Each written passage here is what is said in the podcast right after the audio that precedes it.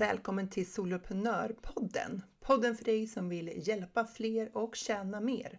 Jag heter Jill Nyqvist och det är dags att skapa stordåd.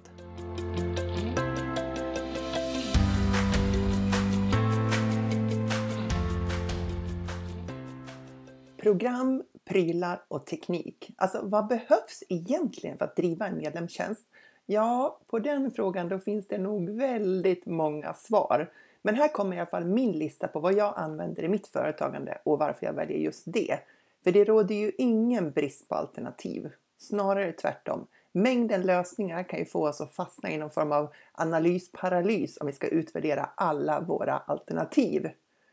Men först, vad är på gång hos mig? Ja, jag håller på att utvärdera kampanjen för Funka med ADHD för att vi ska, alltså, för att vi ska lära oss av siffrorna.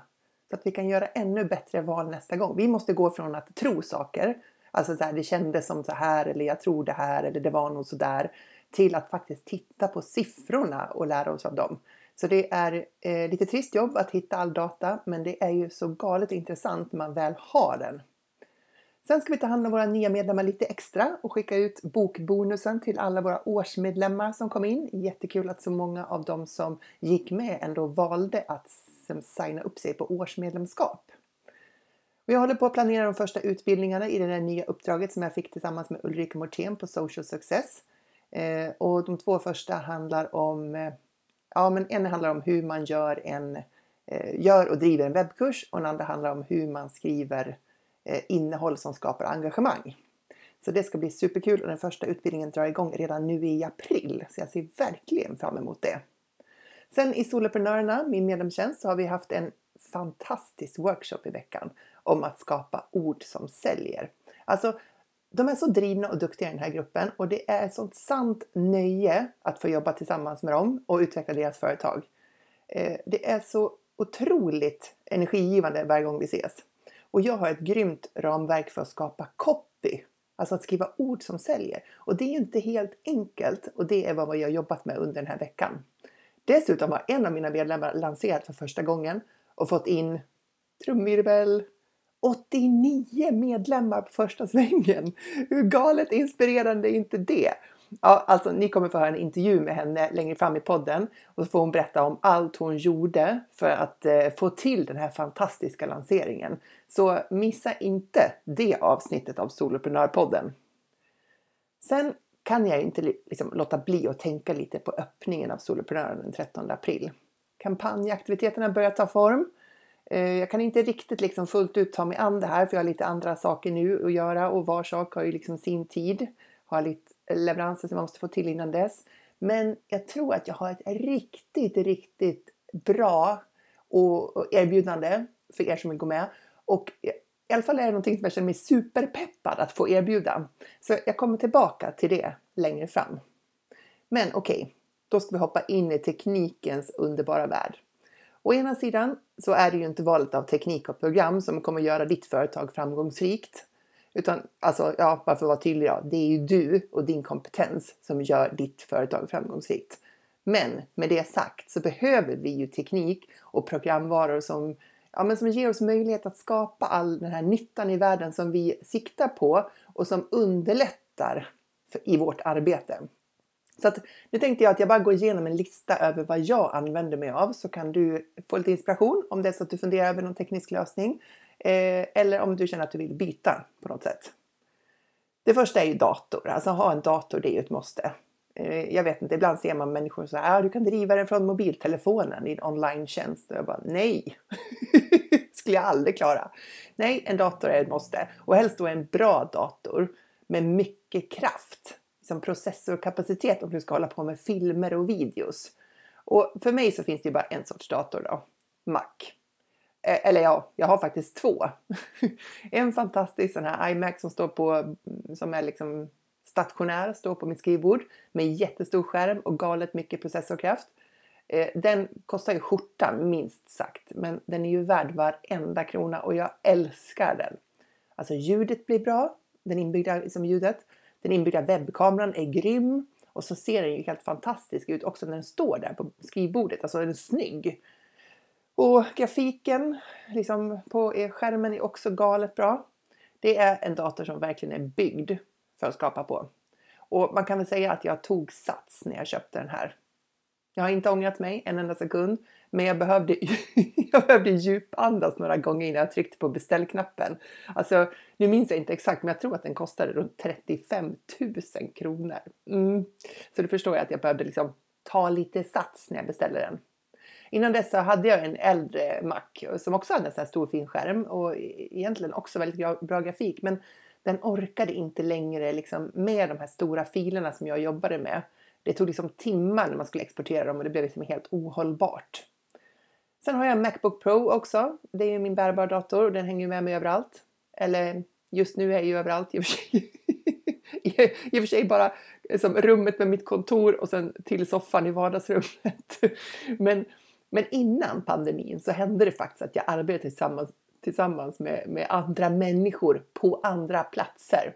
Jag vet, det kanske låter helt galet, men det fanns en tid när jag gjorde det. Och kanske fanns det en tid när du också gjorde det. Okej, okay. och sen då, med risk för att låta som den, eh, ja, som den nörd jag förvisso är, så har jag en iPad Pro också. Ja, du förstår ju, Apple-nörderi på hög nivå här. Men det är den största iPaden och har, den har en sån här Apple Pencil till och jag älskar den också. På den så gör jag mina illustrationer som jag använder till mina böcker och en del inlägg på sociala medier och sådär. Och den är ju galet bra att rita på. Jag använder appen Procreate. Det är inte en dyr app, men den är jättebra. Och så den här Apple Pencilen som man köper med sin version av iPaden då. Och när man ritar på iPaden då blir man liksom lite bättre än vad man egentligen är. Så att om du tycker att du är tafflig på att rita med papper och penna så blir du liksom snäppet bättre när du får en iPad. Eh, om du har behov av att få till någon form av illustrationer. Jag skulle verkligen, verkligen vilja rita mer men jag har liksom inte haft möjlighet att prioritera det. Men det är någonting som står på min att göra-lista. Att liksom utveckla mitt ritande så, för jag tycker att det är galet roligt. Sen har vi det här med e-postmarknadsföringen då. Och jag har använt flera olika system för det. Ehm, Alltifrån Get a Newsletter som jag tror är svenskt faktiskt. Ehm, och sen MailerLite, Mailchimp och nu, nu senast då Newsendler, alltså e-postprogrammet som finns i Newsendler. Och det jag aktivt använder idag är Mailchimp, det har jag för Funka med ADHD och sen använder jag Newsendler för soloprenör. Och Mailchimp är ett galet trist system att jobba med för att det är så, så fult. Eh, och det är inte helt överskådligt heller. Jag, alltså, och jag gillar inte deras grafik. Men om man bortser från hur saker och ting ser ut och så, så har Mailchimp ändå många fördelar.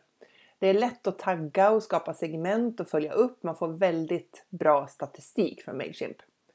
Du kan skapa landningssidor för din freebie där Alltså, vilket innebär att du egentligen inte behöver börja med att skapa en hemsida om du är ny som företagare. Utan du kan börja bygga din e-postlista på bumsen och utgå från de landningssidor du kan skapa i e-postmarknadsföringsprogrammen. Och sådana landningssidor kan du också skapa i Mailchimp. Då då behöver du inte ha någon egen domänadress, inget webbhotell och ingen Wordpress-installation. Så jag tänker att det är ett smart sätt att starta sitt företag. Eller som jag gjorde då, jag startade soloprenörbenet av mitt företag genom en landningssida i Mailchimp för att jag inte hade tid att sätta upp en hel Wordpress-sajt. Och det funkar faktiskt tillräckligt bra. Det går att komma igång väldigt snabbt och väldigt billigt.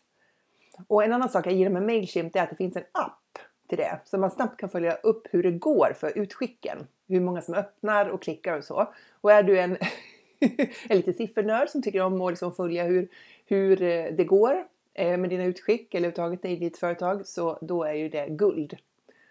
Eh, jag har integrerat Mailchimp med min Wordpress-sida på Funka med ADHD och det gör att jag samlar e-postadresser via så här freebies på min hemsida som landar i Mailchimp taggade och klara. Så varje freebie får en egen tagg så ser jag vilka freebiesar som är populära. Och varje dag så kommer det in nya personer på e-postlistan på det här sättet utan att jag liksom aktivt är ute och delar inlägg med freebies. Och det beror på Google-annonseringen som vi har satt upp för Funka med ADHD. För, för att hemsidan ska fungera för att generera leads, alltså personer på din e-postlista, så behöver du ha trafik till din hemsida. Du måste ha besökare som kommer dit. Och det kan ju lösas på olika sätt. Och ett sätt det är ju att eh, använda sig av olika former av betald annonsering. Det ökar liksom takten. Eh, MailerLite var ett roligare och snyggare system att jobba i men hade sämre uppföljning tyckte jag. Och både Mailchimp och MailerLite har gratisnivåer. Mailchimp har gratis upp till 2000 prenumeranter och det klarar du på ett tag. För soloprenörer så använder jag nu Sendler eh, och det var för att jag ville testa och, och liksom använda alla delar av New Sendler för att se hur det kändes. Och e-postmarknadsföringsfunktionen i Newsendler den har sina för och nackdelar. Fördelar är att du kan skapa landningssidor på ett enkelt sätt där också och tagga och eh, filtrera på olika sätt. En nackdel är ju själva det grafiska i Newsendler. Det är, det är ganska få layout eh, möjligheter du har i New Sendler jämfört med många av de andra, e som de andra programmen som är dedikerade för e-postmarknadsföring. Så är layouten och det grafiska superviktigt för dig, då kommer du förmodligen bli tokig om du använder Newsendler för det är liksom, ja, det är ganska basic. Um, webbplatsen. Ja, du, många av oss har ju en webbplats. Jag har två. Eh, för att funka med ADHD så använder jag Wordpress med ett tema inom Thrive Themes. Eh, och jag använder one.com som webbhotell. Jag har inga stora krav på ett webbhotell så jag kan inte säga om det är ett bra alternativ eller inte. Men det har fungerat bra för oss i alla fall. Och jag är alltså medlem i Thrive Themes och det skapar Alltså de skapar en massa program och funktioner som handlar om att optimera Wordpress-sidan för konvertering. Och det finns jättemycket bra att hämta där. Jag använder några av dem, men eftersom det finns så många möjligheter i deras system så är det inte helt enkelt att använda eh, deras system. För att ja, men alltså, ju fler möjligheter man har desto mer komplicerat blir det ju. Men man kan göra fantastiskt snygga saker där. Men gå inte in på Funka med ADHD nu och kolla in min webb där, för den är verkligen inte ett fantastiskt exempel. Det står på att göra-listan att ge den där lite makeover. För, ju, men liksom, för nu så får den duga. Och jag kan rekommendera Wordpress om du vill ha en hemsida som du lätt kan anpassa själv utifrån de teman som du har valt. Och det finns ju både betalda teman och gratis teman. Min andra webb är soloprenör.nu. Det är där jag har liksom övergett Wordpress till förmån för Newsendler. Alltså jag har ju valt att skippa Wordpress-sidan för soloprenör.nu och bara använda mig av hemsidefunktionen som finns i Newsendler. Och det är så mycket lättare att jobba med hemsidan Newsendler jämfört med Wordpress tycker jag. Jag är helt nöjd med att ha flyttat in på Newsendler för soloprenör. Och nu har det dessutom kommit en blogg, bloggfunktion vilket eh, var egentligen den sista stora grejen som jag saknade från Wordpress. Newsender är kanske inte lika sofistikerat som allt som jag kan få med Thrive Themes på min andra Wordpress-sida. Men det spelar ingen roll, för jag har varken liksom, tid eller energi att lägga ner på att liksom, lära mig och använda all funktionalitet som finns där. Jag tänker att jag kommer inte att sälja mer eller nå ut till fler genom att lägga galet mycket tid där. Därför så räcker liksom, Newsendler för mina behov. Så. Men det där kan ju vara lite olika. Och du får göra en egen bedömning för vi måste ju vara kostnadseffektiva med vår tid, eller hur? Inte lägga tid på sånt som inte utvecklar vårt företag. Eh, och jag är ju inte kvinnan som älskar detaljer och jag är inte särskilt noggrann. Så tillräckligt bra, det är mitt mantra. Jag vill bara sätta igång och göra det och så ut med det. Så! det, men där, där, är vi lite olika. Eh, och jag har flera gånger också övervägt att flytta från Wordpress till Newsendler även för Funka med ADHD. Men vi orkar inte riktigt göra det jobbet just nu. Sen har vi det här med kursportaler och det har jag pratat om tidigare i podden. Jag använder två kursportaler. Den ena är Thinkific och den andra är Newsendler. Jag har använt Podia och Teachable också. Och jag har hela medlemsklubben för Funka med ADHD i Thinkific och där blir vi nog kvar. Mest för att det är ett stort jobb att flytta över medlemmar när man har de här lösningarna. För att eh, de behöver liksom avregistrera sig på ena sajten och liksom lägga in och gå med på nytt på andra sajten. Och det är ju ganska stor risk att man tappar många medlemmar på den flytten. Ja, men Thinkific är som kursportal helt okej. Okay, liksom. Den gör jobbet och det finns det man behöver där och så. Det är inte helt billigt och jag är inte nöjd med alla delar men det får vara good enough. Och sen använder jag Newsender för soloprenör och det har jag gjort ett helt avsnitt av så jag tänkte inte liksom fördjupa mig i det. Sen har vi det här med att hålla webbinar och det finns ju särskilt liksom dedikerade webbinarprogram som man kan köpa in och använda sig av och de fungerar förmodligen fantastiskt men det kostar en del. Jag har kört en liten workaround. Jag har kört Zoom liksom för de flesta webbinarien som jag har hållit och det fungerar ju bra. Nu kör jag ju i och för sig eh, webbinarier webbinar genom Newsender-funktionen också och då får man Zoom som ingår i Newsender och en form av webbinarfunktion där. Men annars har jag kört en Zoom-licens, betallicens. Eh, kostar ju extra om man ska ha webbinar Zoom. Man måste liksom ha en grund, liksom, grundbetalnivå och så måste man lägga till. Men det fungerar bra. Jag har också använt eCam Live för att streama till Youtube. Så att eh, då har jag använt Icam Live och sen har jag liksom direkt streamat Youtube och delat den länken då. För att det jag har gjort då när jag kört webbinar via Zoom och via Icam Live, det är jag lagt upp en landningssida eh, på min webb där man anmäler sig och då kommer man med en tagg in i, new, eh, i Mailchimp. Och när man får den här taggen i Mailchimp så kan jag sen skicka ut en länk till webbinariet oavsett om det är till Zoom eller om det är till Youtube. Så det kan man väl säga att det är en hemsnickrad webbinarlösning som är väldigt eh, eh, billig att få till eh, jämfört med att köpa in ett helt webbinarprogram då. Och där kan jag ju skapa automationer om jag vill också för att påminna människor att de ska eh, komma ihåg webbinariet och allt det där. Eh, men eh, man kan till exempel inte se då vilka som har deltagit i webbinariet om man kör en sån via Zoom eller ICAM Live i, i själva mailprogrammet. Eh, det kan ju ha sina fördelar att man kan mejla ut till dem som har precis deltagit i webbinariet på ett enkelt sätt. Så. Men det är ett sätt att hålla webbinar.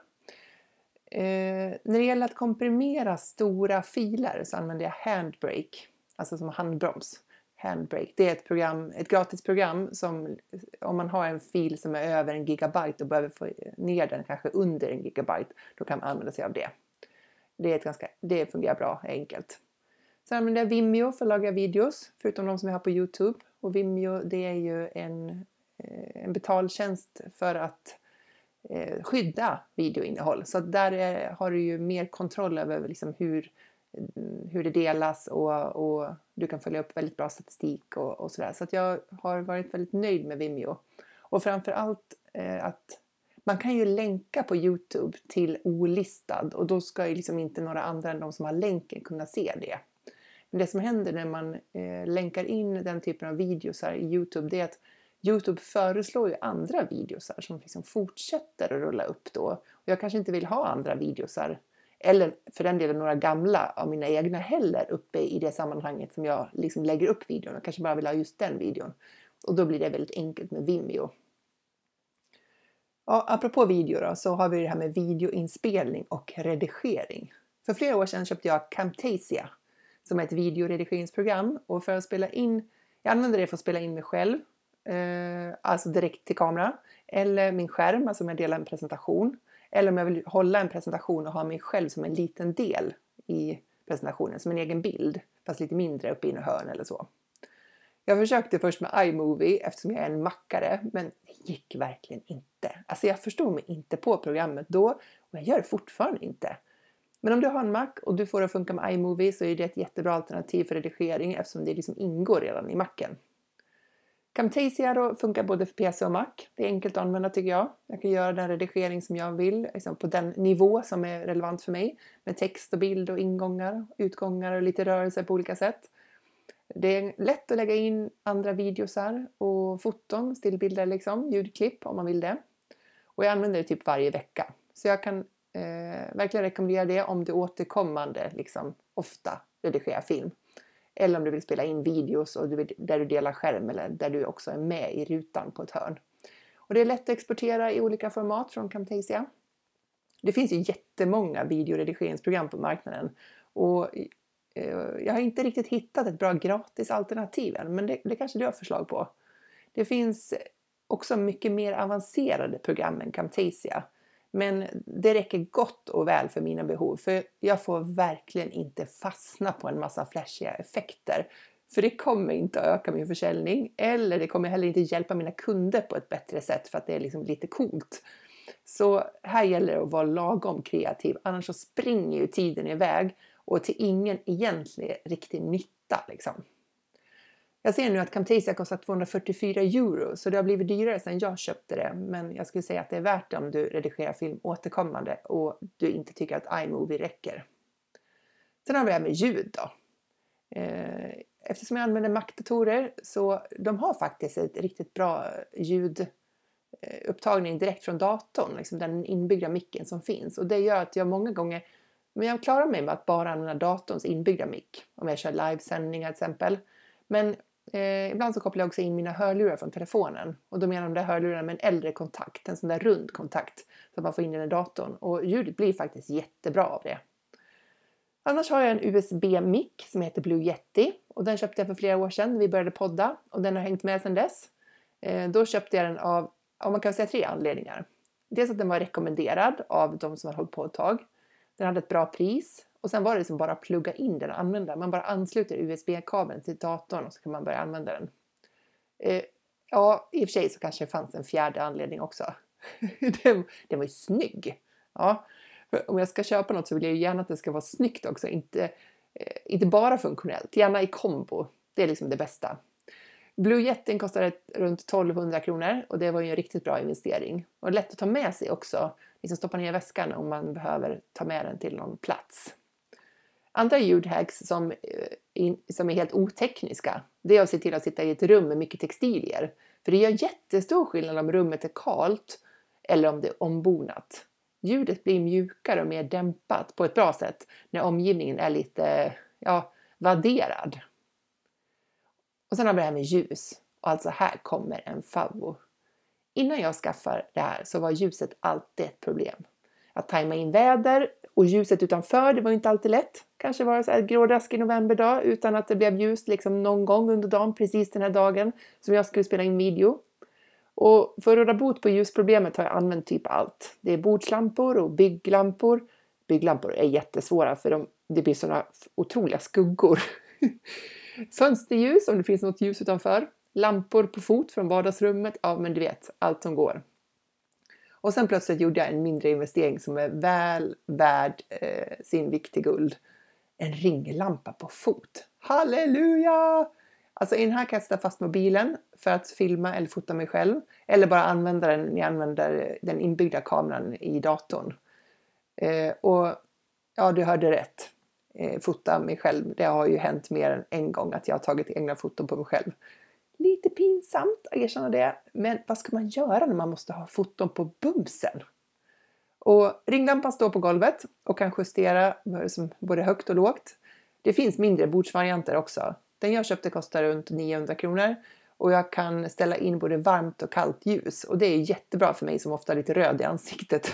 att få lite, lite blått ljus som motverkar det. Och den är också lätt att bära med sig för den kom i en praktisk väska. Och jag har haft den med ute på kunduppdrag och när jag jobbat tillsammans med min kollega då, Ulrika på Funka med ADHD och jag använder den typ varje dag på mitt kontor. Eh, för möten, livesändningar, webbinar eller nu under vintern som har varit bara för att få liksom en ljusboost. Så den är värd varje krona och mer till. Hej då dåligt ljus, grynig bild och diverse akutlösningar. För övrigt så använder jag de program som ingår i macken. Det är Pages och Numbers och Keynote. Då förstår jag att jag har valt bort Office-paketet för det är ju Word och Excel och PowerPoint annars. Eh, och det, det fungerar bra. Alltså när jag ska skicka någonting till en kund som har eh, Word så exporterar jag Pages till Word så det brukar fungera bra. Eh, min senaste bok skrev jag i ett program som heter Scrivener och det tyckte jag var ett riktigt bra program för att strukturera innehållet. För jag höll på att scrolla ihjäl mig efter, vart efter som sidorna blev fler och fler i boken så blev det så otroligt mycket sidor att gå igenom. Och det där kan man säkert lösa på olika sätt, men jag tycker Scrivener var ett jättebra program för att strukturera upp stora mängder text. Och jag kunde skriva lite mer liksom um, på olika avsnitt. Det var lätt att hitta tillbaka till olika avsnitt ifall jag ville fylla på någonting just där. Så det var, ja, men det var en höjdare för min del. För layouter så använder jag oftast Canva, betalversionen. Det är ju enkelt och det finns ju många mallar och diverse annat som man kan använda sig av. Det är ju perfekt om man inte, alltså om man är som mig då, som inte är någon proffs på grafisk form. Eh, och säkert så använder du Canva också. Mina böcker formgav jag i iStudio Publisher och det var för att Indesign var så dyrt. och det här var ett betydligt billigare program. Och bildhanteringen gör jag i Pixelmator Pro. Båda programmen är billiga liksom, till macken. Eh, och det är tillräckligt bra för mina behov för att jag är ingen formgivare. Jag kan inte sitta och göra avancerad bildbehandling och jag kan inte sitta och göra avancerade layouter. Så det, är liksom, det är tillräckligt bra de här Canva, iStudio Publisher och Pixelmate Pro eh, för mina behov. Sen eh, precis nyligen, till exempel bara för någon dag sedan, så kan jag ha lite grann spontan shoppat ett quizprogram som heter Interact. Jag håller på att skapa min första quiz nu och det känns riktigt skoj. Håll utkik efter det här quizet. Um, och det här tänker jag att jag ska använda för att bygga min e-postlista. Uh, och kanske till andra saker också, så att vi får se. Men uh, jag håller på att lära mig det nu så jag kan prata lite mer om det i något annat avsnitt kanske. Eh, för att göra enkäter då använder jag ett supersnyggt program som heter Typeform. Det är så mycket snyggare än SurveyMonkey. Det finns en betalnivå och en gratisnivå. Så det beror på vad du har för behov, om du behöver betala eller inte.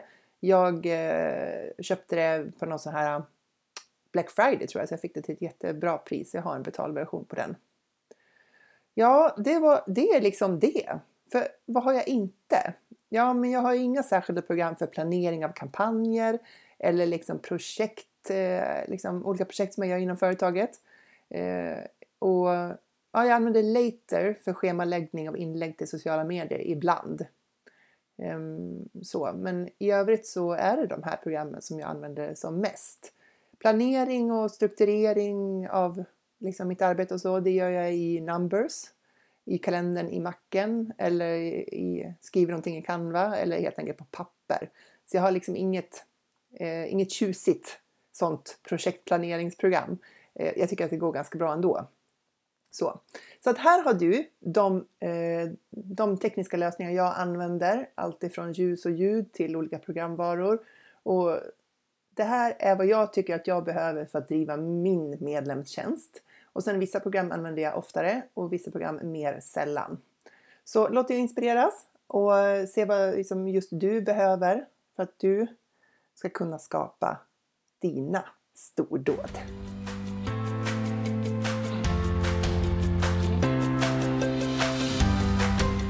två saker innan du stänger ner. Det ena är ju då att eh, Solprenörerna öppnar igen den 13 april. Då har du möjlighet att hänga med där och skapa din medlemstjänst. Och eh, stort tack för att du lyssnar på Soloprenörpodden. Eh, ta gärna en skärmdump på det här avsnittet och tagga mig i soloprenör.nu på Instagram i en story till exempel. Så vet jag att just du har lyssnat. Tackar!